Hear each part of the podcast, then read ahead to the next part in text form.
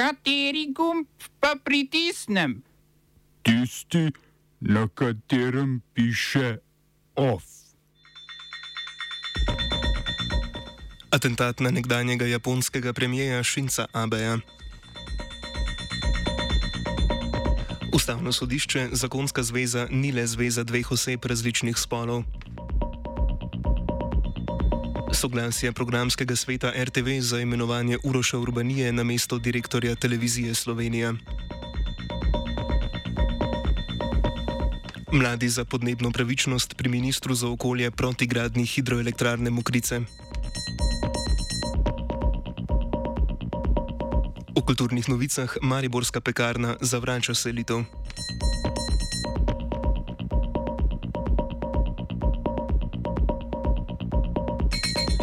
Ustavno sodišče je danes razsodilo, da je zakonska ureditev, ki določa, da lahko zakonsko zvezo skleneta le dve osebi različnega spola, v neskladju z ustavno prepovedjo diskriminacije. Prav tako je neustavno, da istospolna partnerja, ki živita v formalni partnerski zvezi, ne moreta skupaj posvojiti otroka. Sodišče je parlamentu določilo šestmesečni rok za odpravo ustavnega neskladja. Do odprave ugotovljene protiustavnosti bo po odločbi sodišča štelo, da je zakonska zveza življenjska skupnost skupnost dveh oseb, ne glede na spol. Sodišče je odločilo tudi, da lahko istospolna partnerja, ki živita v partnerski zvezi, skupaj posvojita otroka pod enakimi pogoji kot zakonca.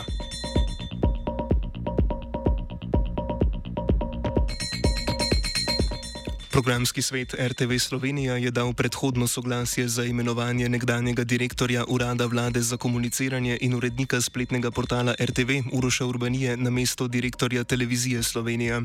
Za Urbanijo je glasovalo 17 članov sveta, za njegovega protikandidata, dirigenta Patrika Grebla, pa 13. Generalni direktor RTV Andrej Grah Vatmov se bo po sestanku z Urbanijo odločil, ali ga bo imenoval za direktorja. Na včerajšnji seji je generalni direktor sicer dejal, da bo upošteval voljo programskega sveta. Predsednica koordinacije novinarskih sindikatov RTV Helena Milinkovič je v odzivu za medije zapisala, da je po mnenju novinarjev Urbanija najbolj neprimeren kandidat za katerokoli funkcijo na RTV in da njegovo imenovanje pomeni dodatno zaostrovanje razmer na televiziji Slovenija. Urbanija pa je na seji programskega sveta blestev s svojimi izjavami.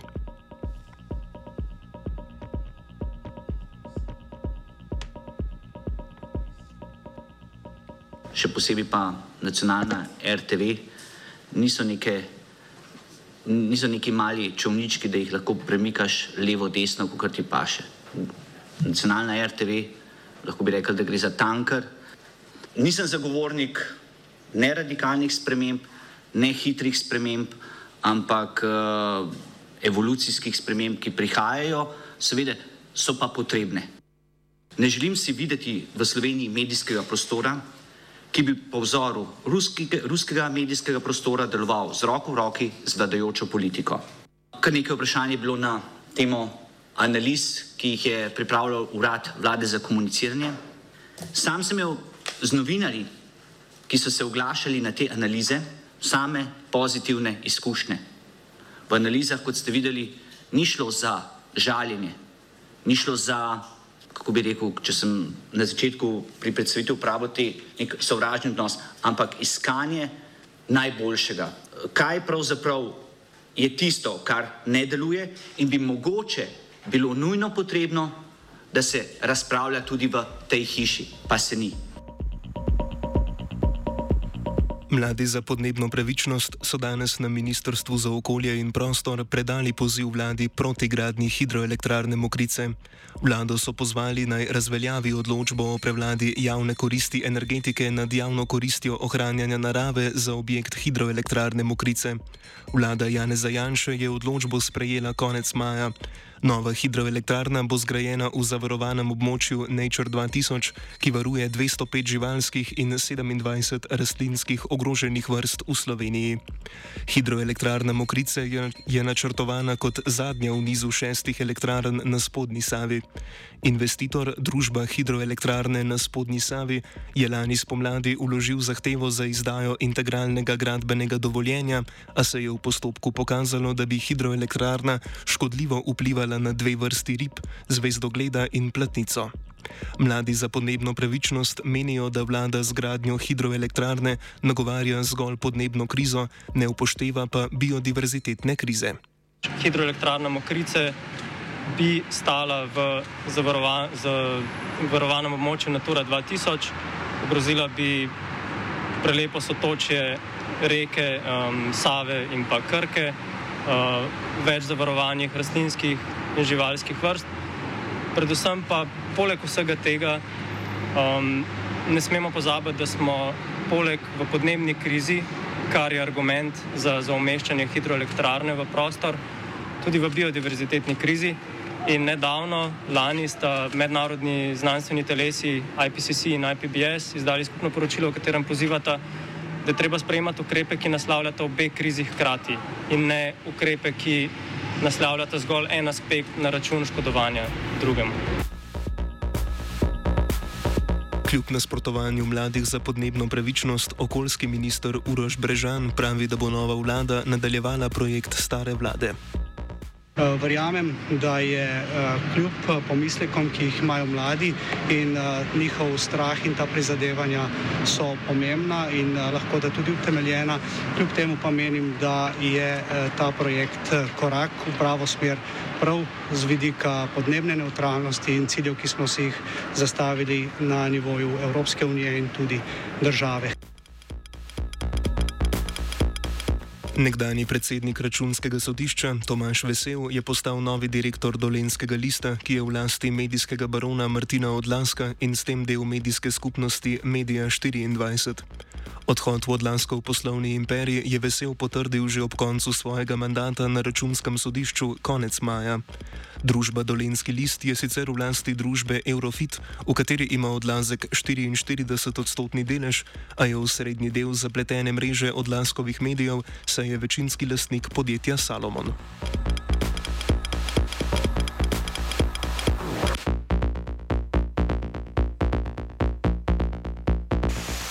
Nadaljujemo z novicami iz tujine. Na predvolilnem shodu v mestu Nara na jugozahodu Japonske je bil do smrti ustreljen nekdani japonski premijer Shinzo Abe. Po poročanju japonskih medijev je bil napadalec, ki ga je policija takoj po atentatu aretirala, nekdani pripadnik japonske mornarice. Po trditvah policije je na zaslišanju dejal, da z Abejevim delom ni bil zadovoljen in ga je zato nameraval ubiti. Ustrelil ga je dvakrat, medtem ko je Abe izražal podporo liberalni demokratski stranki pred prihajajočimi volitvami v zgornji dom japonskega parlamenta.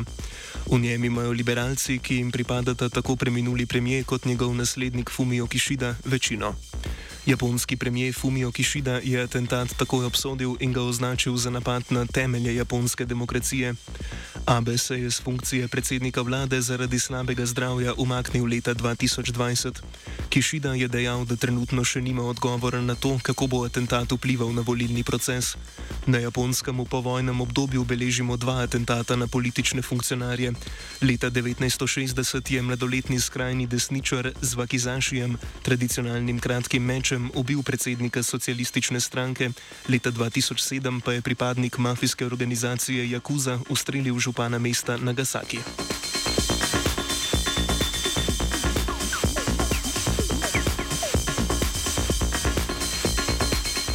Na Abejevo smrt so se z žalnimi govori odzvali številni svetovni voditelji, med njimi ruski predsednik Vladimir Putin, indijski premijer Narendra Modi, predsednica Evropske komisije Ursula von der Leyen in najpomembnejši med njimi srpski predsednik Aleksandar Vučić.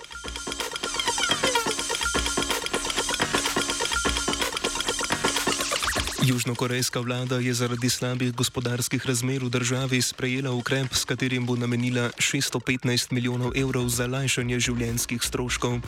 Ukrep predvideva večjo socialno podporo za prebivalce z nizkimi dohodki in odpravo carin na uvoz nekaterih živilskih izdelkov.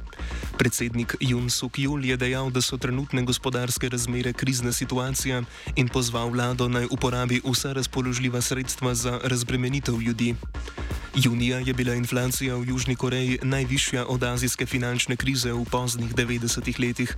Danes je centralna banka že povečala centralno obrestno mero, ekonomisti pa pričakujejo nadaljna povečanja za zajezitev inflacije.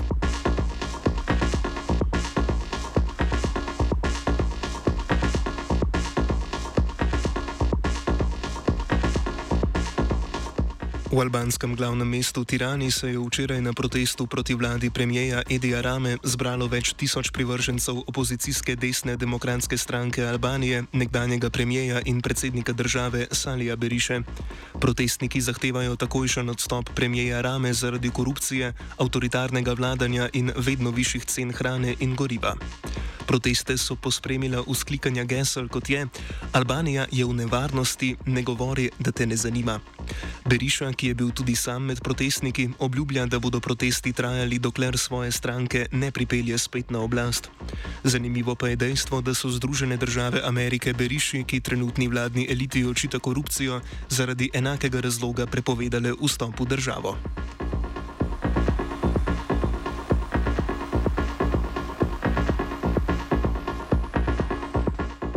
Švicarsko zvezdno kazensko sodišče je nekdanjega predsednika Mednarodne nogometne zveze, krajše FIFA, Sepa Blatarja in nekdanjega predsednika Evropske nogometne zveze, krajše UEFA, Mišela Platinija, oprostilo obtožbo korupciji.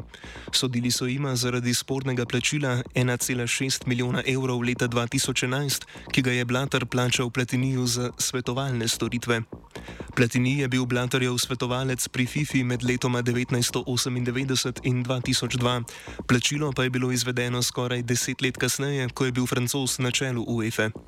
Odnos med Blatarjem in Platinijem je pred leti najbolje opisal že pokojni legendarni argentinec Diego Armando Maradona, ki je dejal, da je Blatar Platinija naučil krasti. Off je spisal Finn.